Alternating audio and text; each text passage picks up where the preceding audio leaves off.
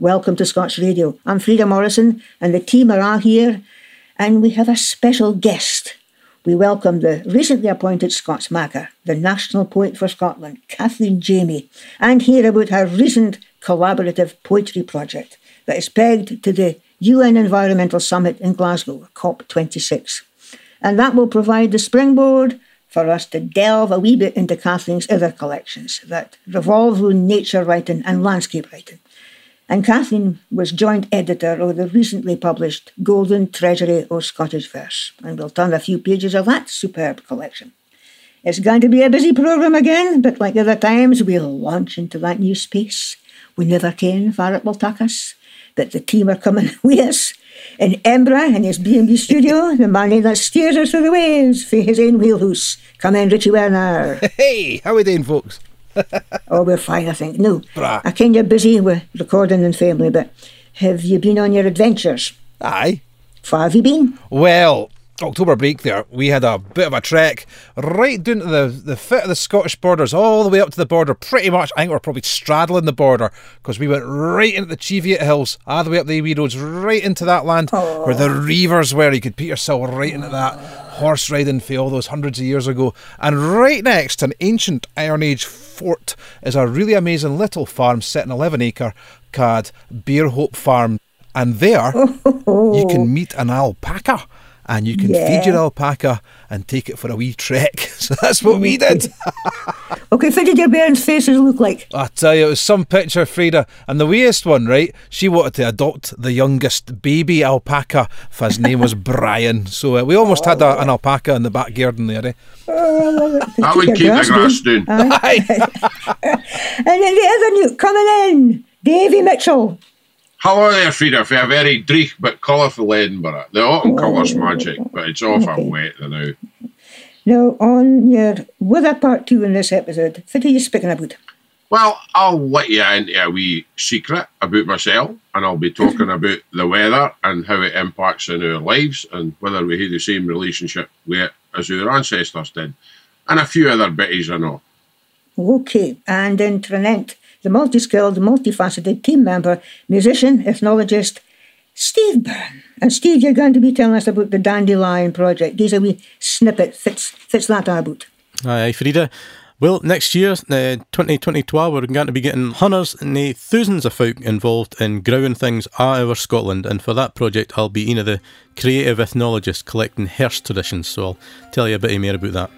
Oh, that sounds fantastic. Right, a four all that, just to get us into the vim, here's a track for Old Blind Dogs' new album, Knucklehead Circus, a track card. Thin Man!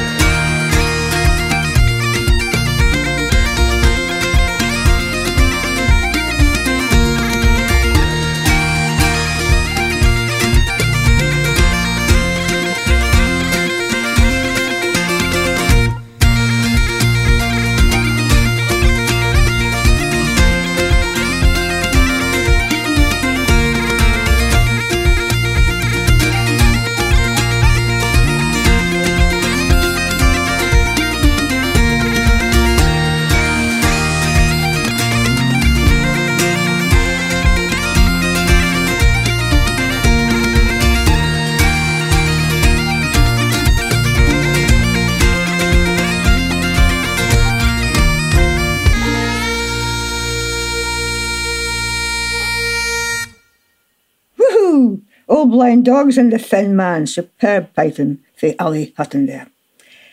Well, in August this year, Kathleen Jamie, poet, essayist, and editor, was appointed the Makar, or National Poet for Scotland, and Kathleen is seen as the ideal Makar for the moment. Her vast bibliography includes collections that focus on the natural world, rooted in the Scottish landscape and the culture. The poem Here Lies Our Land is inscribed on the National Monument of Bannockburn. Okay, to mention just a few accolades. A 2004 collection, The Treehouse won the, the Forward Poetry Prize and the Scottish Book of the Year Award. 2016, the Bonniest Companie won the Saltire Society Book of the Year Award. A collection of essays, findings, sightlines, and surfacing are highly influential in the world of nature and landscape writing and won numerous awards. Amongst the publications as editor, edited the first collection of Scottish nature writing, Antlers of Water, published in 2020, and a selection of George Mackay Brown's poetry, Carve the Runes, published this year. And with co editors Don Paterson and Peter Mackay, she has edited a new golden treasury of Scottish verses, just published in September this year. It is indeed a golden treasury that we will speak about in more detail in a minute. So, appointed as Makar in August, and almost just about immediately she set about focusing attention on the upcoming UN Environment Conference, COP26, in Glasgow. In September, she launched a national project inviting Scots to help create what was called a collaborative nature poem, asking writers and members of the public to submit a single line on nature poetry pegged to the COP26 summit in Glasgow. Now, the poem had to be ready for November, and new is the time. So, despite her busy timetable, it gives me great pleasure to welcome that very same, that very busy Scots Makar, Kathleen Jamie. Welcome to the programme, Kathleen Jamie. Hello. Hello. Hello. It's nice to be here. And in many ways, time is of the essence. So there's just so many things we want to speak about. But let me start with the basics. Far are you with the nature poem? Is it Dean or is it Nadine? Well, I think it's going to be a long living project. When I put the call out asking folk to send in a single line, I said to some assistants at the Poetry Library, How many do you think they'll get? And they said, Ugh, maybe a hundred. Well, we've got a thousand. Oh, so it's it's a big baggy thing. So I thought, right, what am I going to do with a thousand lines of poetry? Shall I tell you what I've done with it? Aye. Well, I got all these this, thousands of lines. They were arriving in, in dollops, and I and I put them into themes. All the, I'll put all the woodland ones together and all the coastal ones together. And then I thought, no, that's too tidy.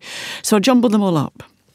And then just just by I don't know what intuition, I started making wee verses, wee stanzas, putting two or three lines together, and I realised I had d- many dozens of these wee verses, and then I realised I could put these together to make poems of almost any length.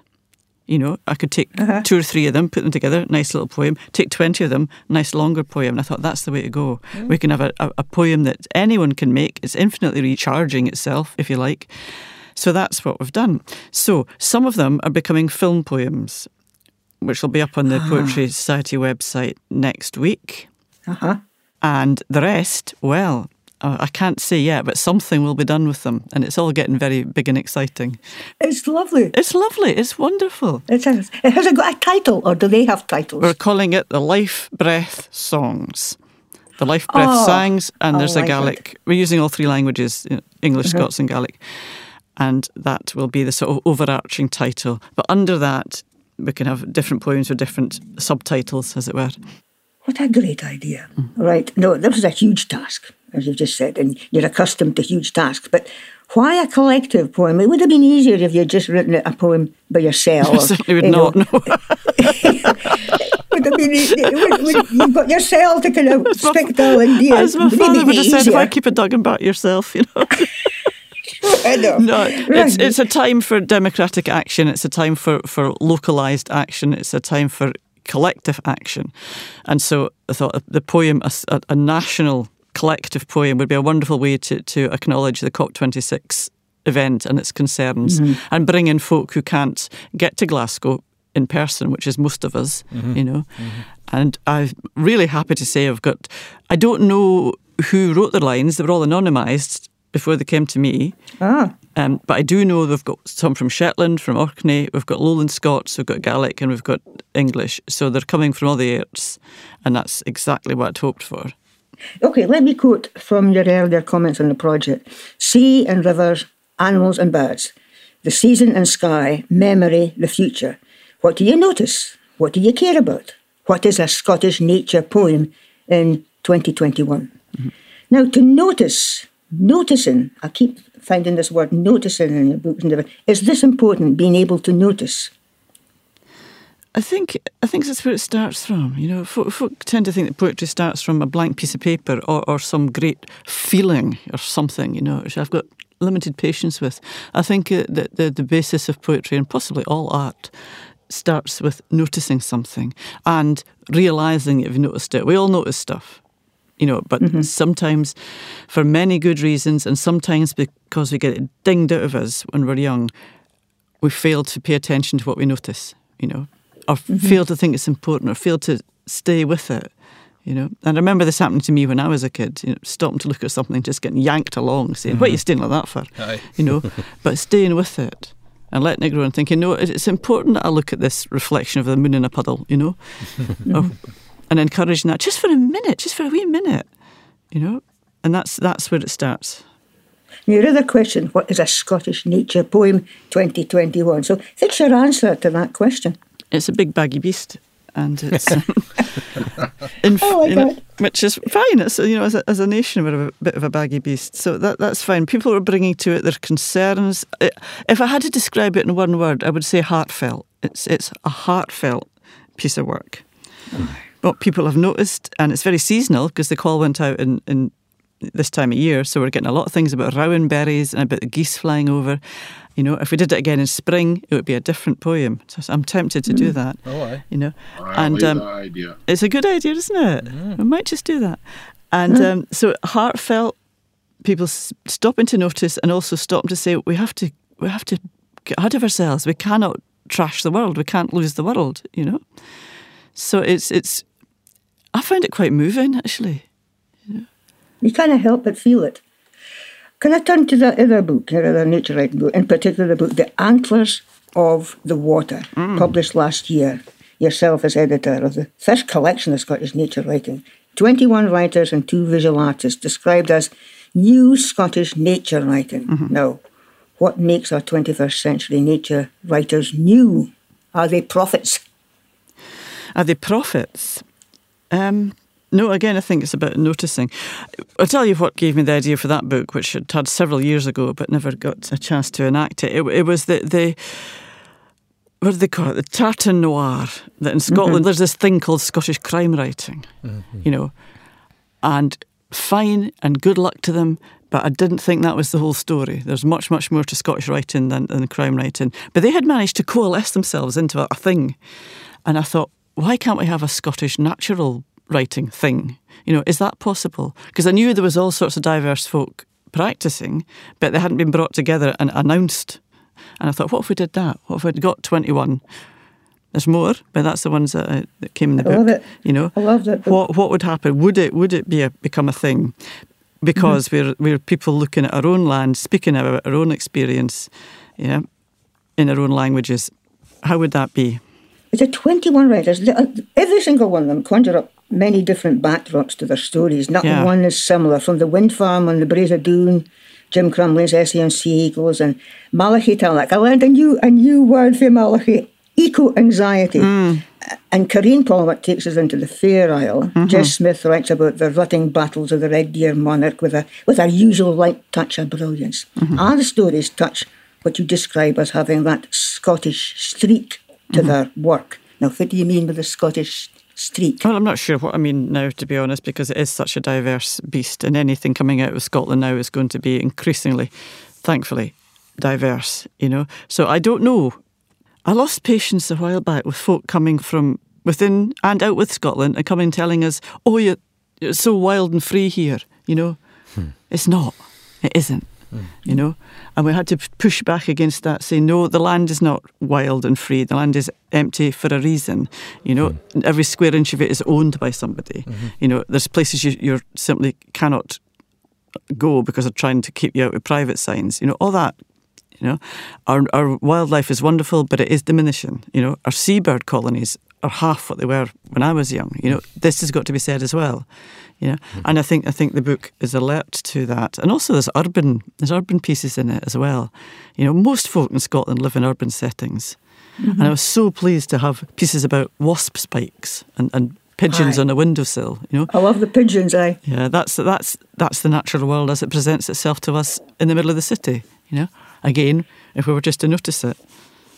Notice it. Dave, do you want to come in here? I, I can you're itching to ask a couple of questions. I- I- as you can, hello, Kathleen. I, I, I've read and enjoyed your works for many years, and we're, we're talking about nature writing here.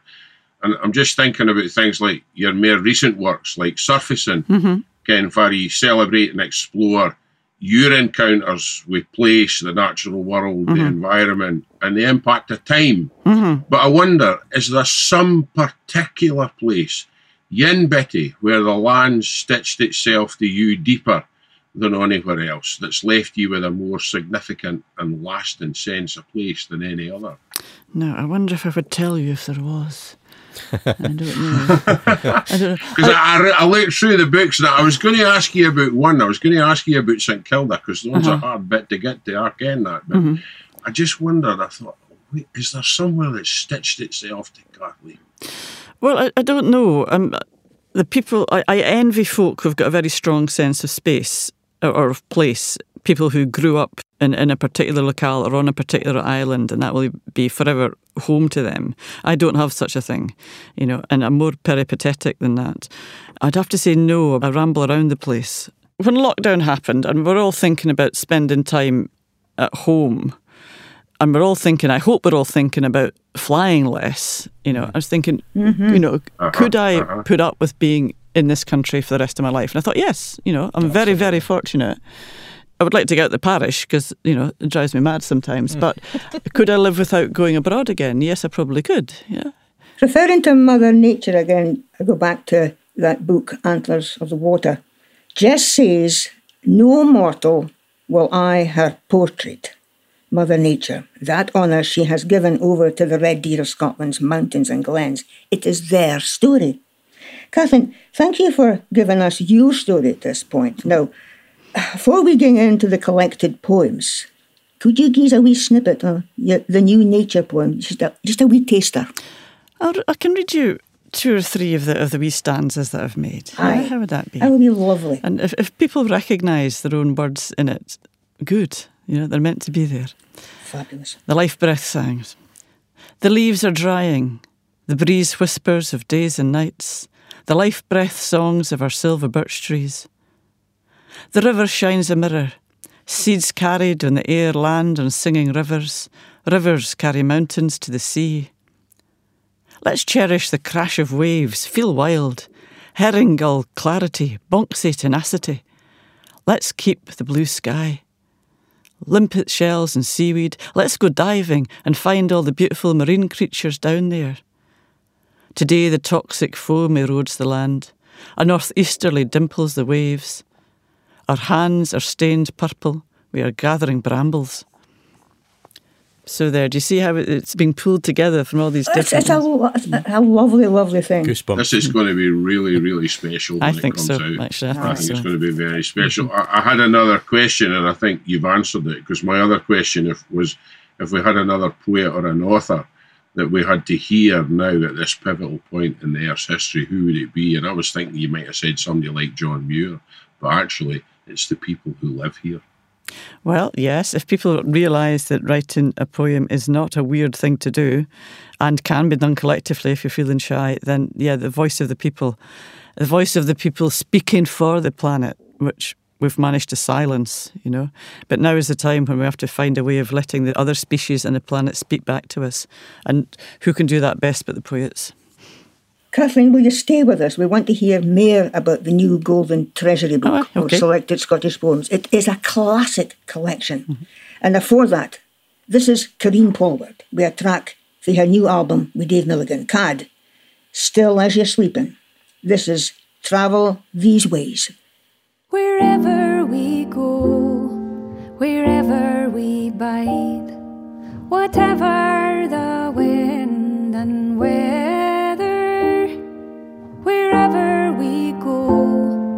wherever we bide, we'll travel these ways together. When the heart comes rolling in, and you can't see your way into harbor. I'll heave the boat to till the sun clears the sky, and it's safe once again to weigh anchor. Wherever we go, wherever we bide, whatever the wind and weather, wherever we go, wherever we bide, we'll travel these ways together. When the snow comes skirling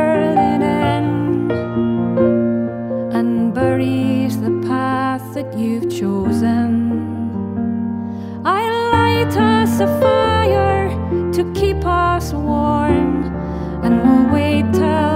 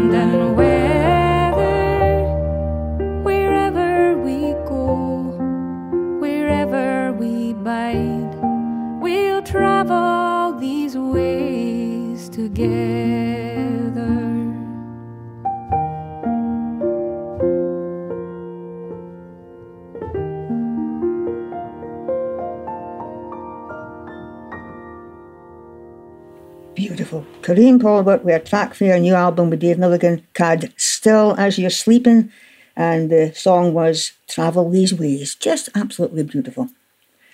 Right. You're listening to Scots Radio. This is Frida Morrison, the team, Dave Mitchell, Richie Werner, and Steve Byrne. They're here. And we'll hear Mayor for Steve in a minute hearing about the Dandelion Project. And before the music, we were speaking with our programme's special guest, Scotland's new Makar, Kathleen Jamie, about the new nature poem, or the collaborative nature poem, incorporating lines for the public, pegged to COP26. Kathleen, Hello. this time I want to focus on the new Golden Treasury of Scottish verse, and mm-hmm. edited by Don Paterson, Peter Mackay, and yourself, published in September this year. It's a huge piece of work, incorporating over 300 poems, going back into the Celtic twilight with Columba and John Barbour's The Brus from the 14th century. But in the foreword, it says, the collection does not include poets born after 1979. Why draw the line at 1979? Well, we had to stop somewhere. And um, Yeah. basically, it's as simple as that. And, and anybody born since is still young and hopefully active. And we thought the people we would include were those who had laid down a body of work, even if they're only represented by one poem, and whose creative lives were well established, if, if not completed. But it also leaves the opportunity open to revisit it in a couple of decades. and extend it. No, we simply, simply had to stop somewhere, and that was a date It's- which was pertinent to Scotland. Uh, fair think, enough, you know. fair enough. And you described the, the content as a work of simple enthusiasm. What does that mean? Well, it means I think um, certainly in my case, I'm not an academic. The other two both work in universities, but I wouldn't call them academics either. They, they're coming at it as poets and as readers. You know, that, that's, That's, all. a, you know. that's a simple enthusiasm. Yeah. It's, it's right enough. It was a great way for me to learn the history of Scottish poetry, you know, which my, my knowledge before that had been a bit patchy. So to apply myself and make an effort to, to learn the shape of it over a thousand years, you know, and I've done it during lockdown. It's a perfect lockdown project. Mm-hmm. You know. Mm-hmm. Fantastic project for that then. Do- Now, you describe the book as being modelled on the Monymusk reliquary. In what sense? We were trying to find a way of describing the mixter maxter of it. There's different styles and different languages um, all enfolded into it. And that was just an image that popped into, I have to say it was my head, um, the different artistic styles that are, that are in that object, crafted, you know. And I thought that that's a nice image for what I'm trying to say. You know. It's lovely. making something beautiful. Aye. And, and again, this mongrel nation idea, it's coming from different cultural backgrounds with different stylistic influences, you know, but you end up with something which is unique. You're going from, you know, one minute from Lord Byron to George Mackay Brown to just about Robert Burns. Mm-hmm. You've got everybody in there. It is a, a massive, collect, amazing collection. And as you say in the introduction, that with the advantage of the early 21st century, you looked back a thousand years or more and made a personal choice, which still speak to us. And you had a yes pile and you had a no pile. And that led to many surprises. These were the surprises. The, the, there wasn't so much a, a yes pile and a no pile. The, the, the arguments have been had, I think. The canon, uh, as Don would say, the canon is laid down. We're not scholars rediscovering old 50 manuscripts and saying, my mm-hmm. goodness, we didn't know that existed. Everything is known pretty well, you know. Yeah. And so, so we knew who and what would really have to be in there up until pretty recently. Okay, I know Dave's desperate to come in again. Well, you you know my love of Scottish poetry, Frida, over the years. I couldn't believe it when I opened it. I was such anticipation for it coming, and the very first poem was purely because it's alphabetical. It was a boy's song, which Yes. I have known since I was a boy. Uh huh. But I think for me, the deepest revelation and deepest joy was it's provided access to poems that I wouldn't possibly have discovered, and particularly Gaelic poems. Yes, I'm very, very pleased. Peter was a Peter great. was We couldn't have done it without lots of input from you know, a proper Gaelic scholar like Peter. You know, Yeah, that that, that, that really has been for me the, the mine that I have been among. But I wondered, was there an amazing revelation as a result of the whole process of compiling it, you know, taking into account lockdown, the approach you took? What, was there something that just flashed up for you that was like, wow? I don't, I don't know. I, I don't know if there was, but then I've grown up with it, with the the idea, the knowledge that we've got th- at least three functioning indigenous languages, but I don't think we are as alert to that as we ought to be. I don't think we treasure that as we ought, and I think they're they're vulnerable to political nonsense. So for me, the the strength and the, the vigour of these three languages, the, the English, Gaelic, and Scots, there's a bit of Latin in there as well. You know, that was worth emphasising. So it wasn't a great revelation. It was just saying, yes, this pleating together of these three strands, you know, which has been going on for a long, long time, still happens and still matters. You know. I remember my my grandmother giving me with great joy, and she was English, Palgrave, and I just think this will fall in. Well, I would like to think so. When I when I was wee, there was not much books in the house, and but there was always a Bible in Burns, and I would like for mm-hmm. every Scottish household to, to think they have to have this as well. You know, be beautiful. We sometimes have various terms and various arguments about the, the language the, and politics and class and all of the, the difficult bits comes into the language and we should keep it keep it away from politics, keep it away from class. How do we do that though? I meant the language can get politicised and awfully sometimes Yeah. become associated with one religion or the other, and this is what we do not want. You know, and Scots, I think, has managed to avoid that within Scotland. But you know, Yeah. it has been an absolute pleasure having you on this programme. Ah, thank you. and on behalf of the Scots radio team, mere power to your pen. and please come back afore long. And, and as I said, we'll finish this episode with that special moment when you delivered your poem, the Morrow Bird Ugh. at the opening of the Scottish Parliament. Looking forward to hearing that again. Kathleen, Thank thank, you. you. for joining us. My pleasure. Thank you. Okay, this is a track for an aspiring and inspirational young band, Cad Dougal's Jumper. This is The Boy from Badnaban. And he raised a glass to the years gone past, the wise old whiskey in the old oak cask. And he sang a song to the ones that gone, the friends he's been missing who've been gone too long. Yes, he raised a glass to the years gone past, the wise old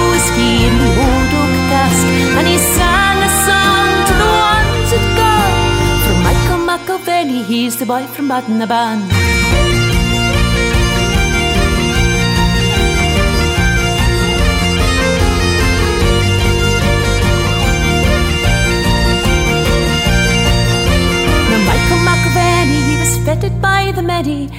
never had a penny, nor a worry, nor care. He lit the fires early, he was juicing up the barley. The smoke was floating fairly in the warm night air. Now down in Ard American, he was sick and tired of working. His tired back, it was hurting, and his hands red raw.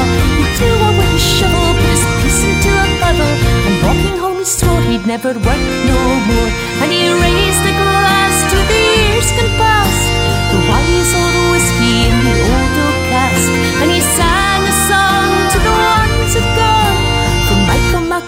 he's the boy from Badnaban.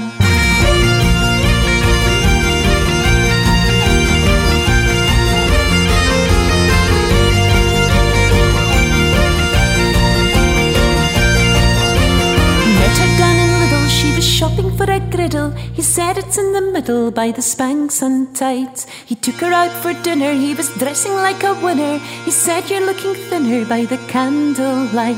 He said that time taught him to out and courting. You've got to keep her talking, laughing all night long. He told her that he'd love her, I would never be another. But then he met her mother and it all went wrong. And he raised a glass to the years gone past. The wise old whiskey in the old oak cask. And he sang a song to the ones that gone. From Michael McIlvenny, he's the boy from Badnaban. Now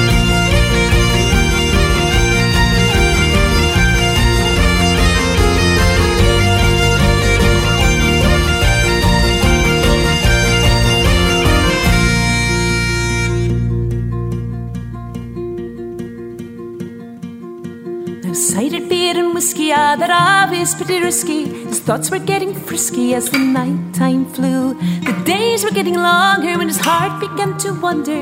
He found that he was fonder of her sister too. And he raised a glass to the years gone past, the wise old whiskey in the old oak cask. And he sang a song to the ones that gone, and the friends he's been missing who've been gone too long. Yes, he raised a glass to the years gone past, the wise old whiskey in the old oak cask. And he sang a song to the ones that gone. For Michael McIlvenny, he's a boy from Badnaban.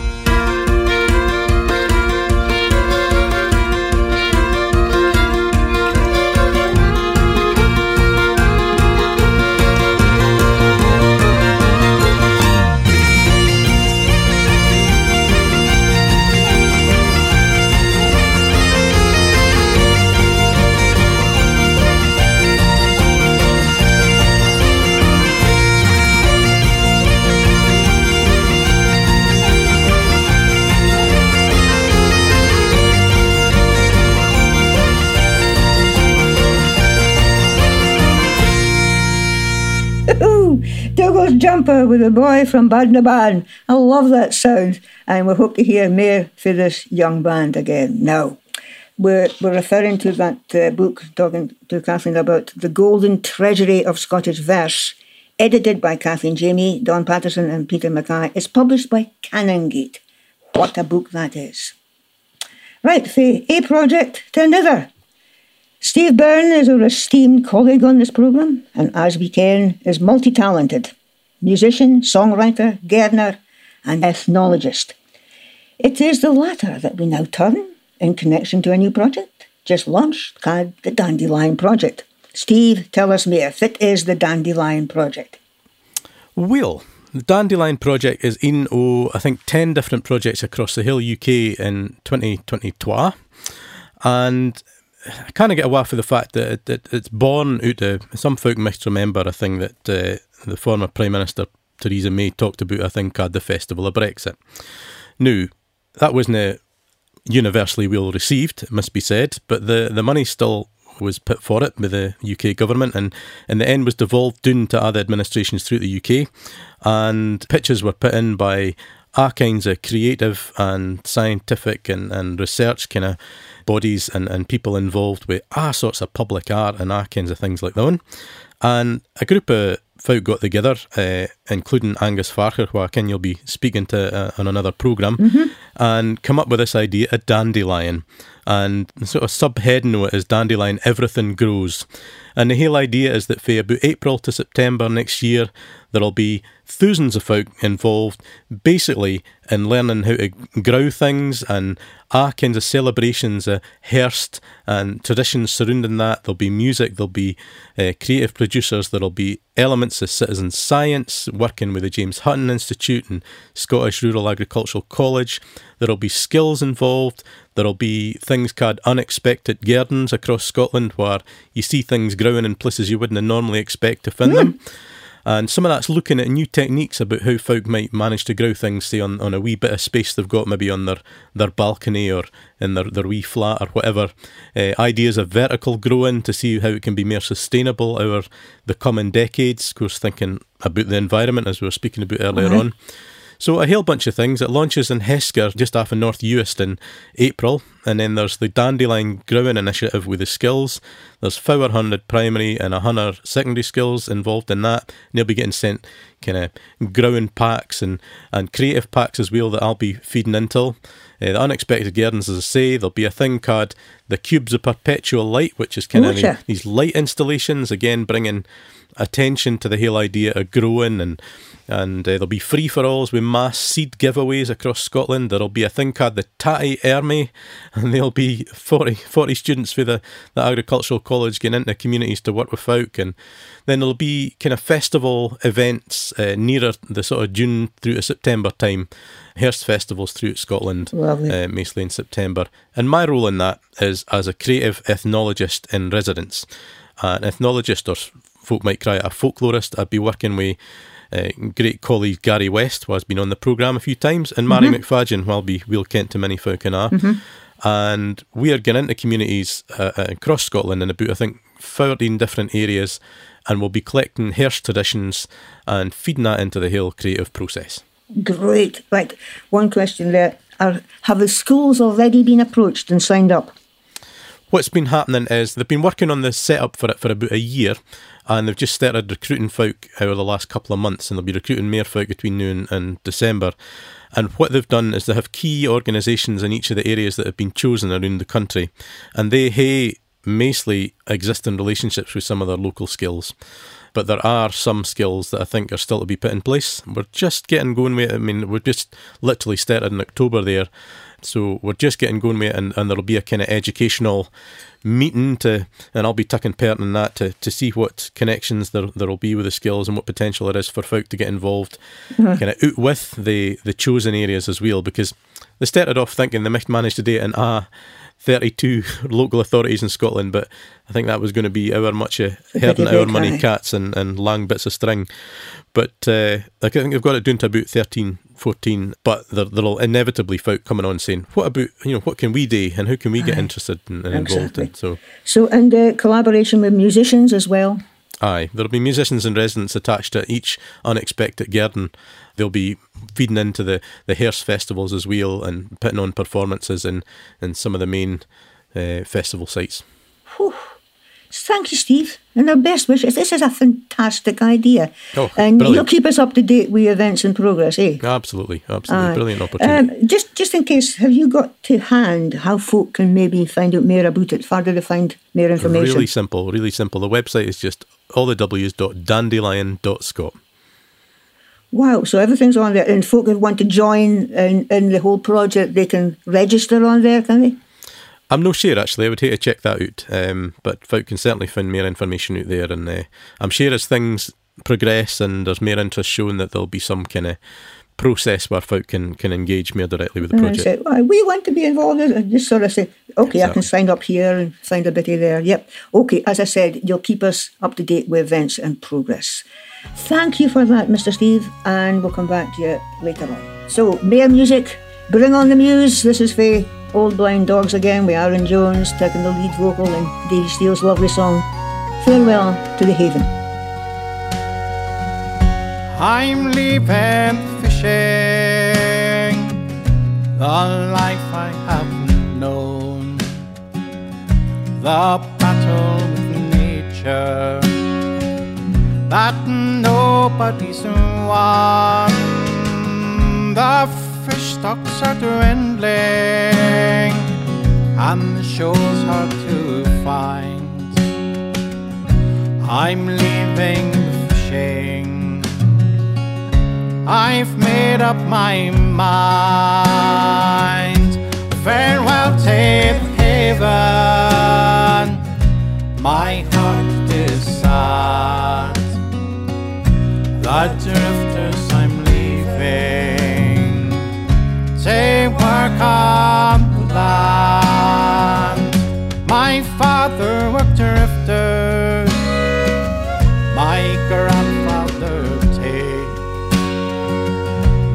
Brother's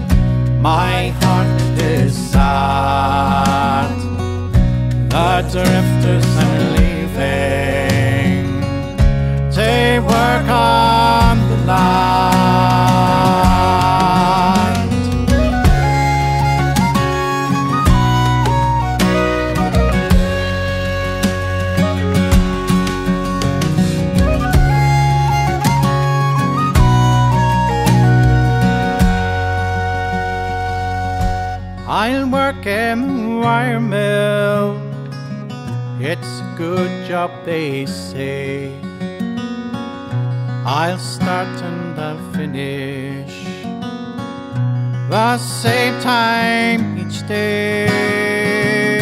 The money's constant, and my wife she seems pleased. But I'll miss the fishing and I'll miss the sea. Farewell, Taylor Haven. My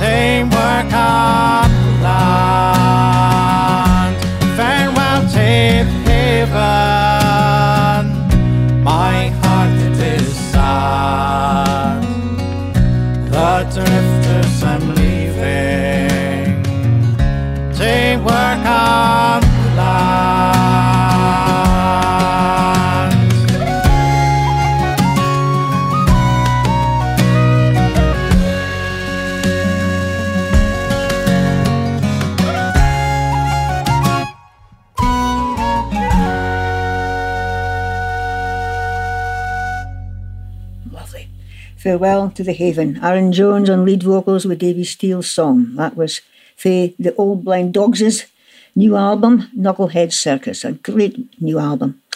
Now, last episode, Dave Mitchell entreated us, I entreated us to his amazing facts and figures connected to our complete fascination with weather.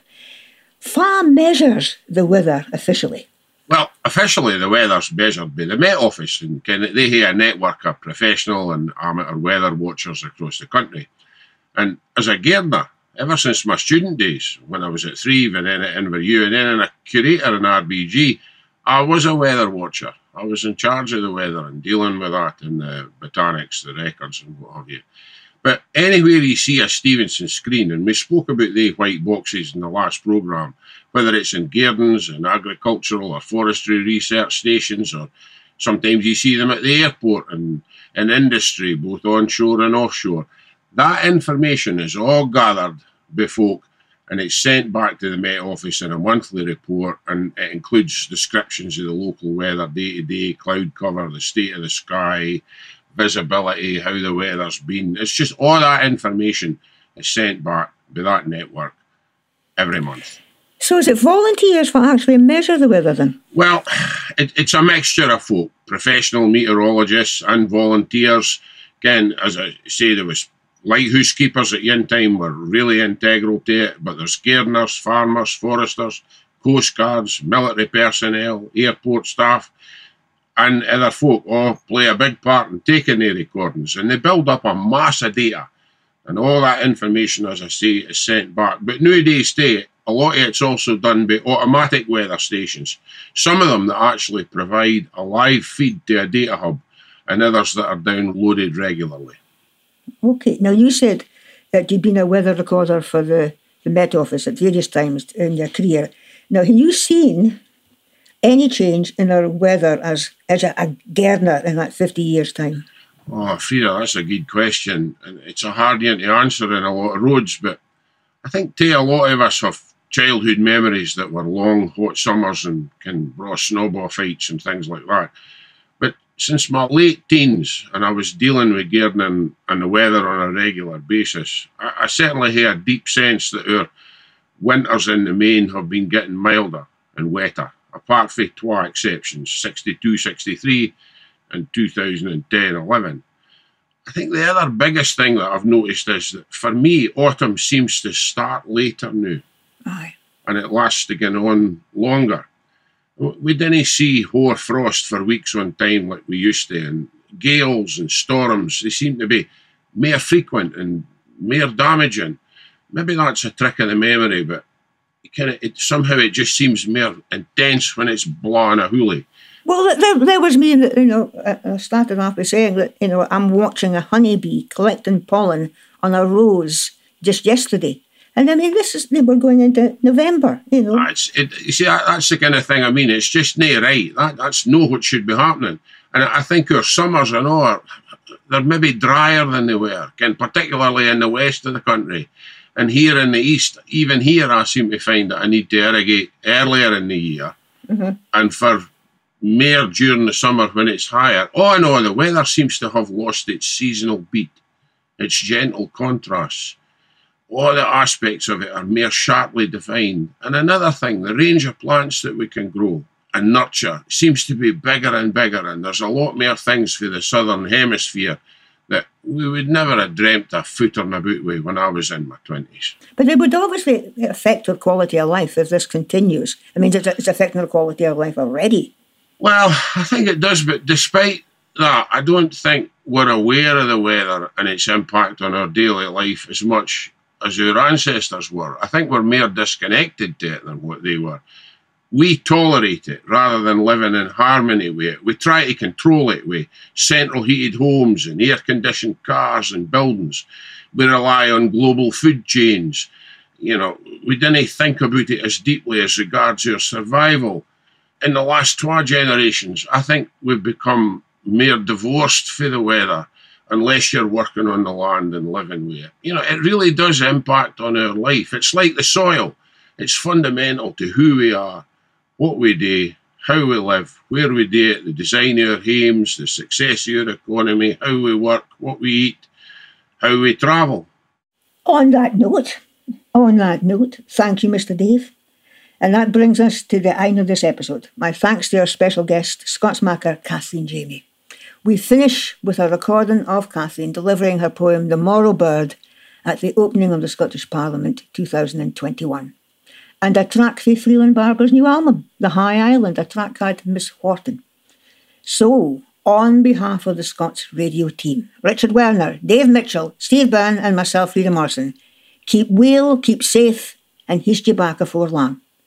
This is the Makar, Kathleen Jamie, with The Morrow Bird. Suppose we begin with a glacier bearing a massive stone till the world warms, leaving the boulder abandoned, alone through aeons of desolation, before a wind brings crumbs of earth. Tundra forms with reindeer. Then one day, a bird from an unkent earth, the future, circles appraisingly and drops a gift, a hazelnut, which sends forth the tree that inaugurates a forest, pine green and berry bright. The wood holds sway a thousand years, then feels the first axe bite. The rest, we cry history, Kai and castle, empire, mine and mill, till we win the right to be governed according to our will. Which brings us to this chamber, where at our provisional behest, today you take your places. Well, here is a first request. On Birdsback, wheeling over, bedraggled and dismayed, she soared to sight the horizon, but returned afraid. She soared to sight the horizon, her wings flashed gold, but turned back, preparing herself to tell what must be told. And perched on a certain boulder, her lifelong friend, she's ready. So please listen as she calls you to attend. All things pass and change. That's I been the way. But the stark vision I saw up there must be allayed. For that, no lone child or woman or man will be enough. You'll want your multifariousness when it all gets tough. Stones, it won't be sufficient just to sit in your doubts and say nay. Trees, don't be waving your arms about in some new breeze every day. It's maddening your own age old injustices remain, but now your human influence pervades the wild domains. On you depend the puddock's leap, the hare's breath, the drone of summer breeze, the whale's dive in the ocean, and you need them. So please, let the morrow bird's hansel be wisdom, leavened with music and song we seek good governance, Parliament. Act bold, be kind, stay strong.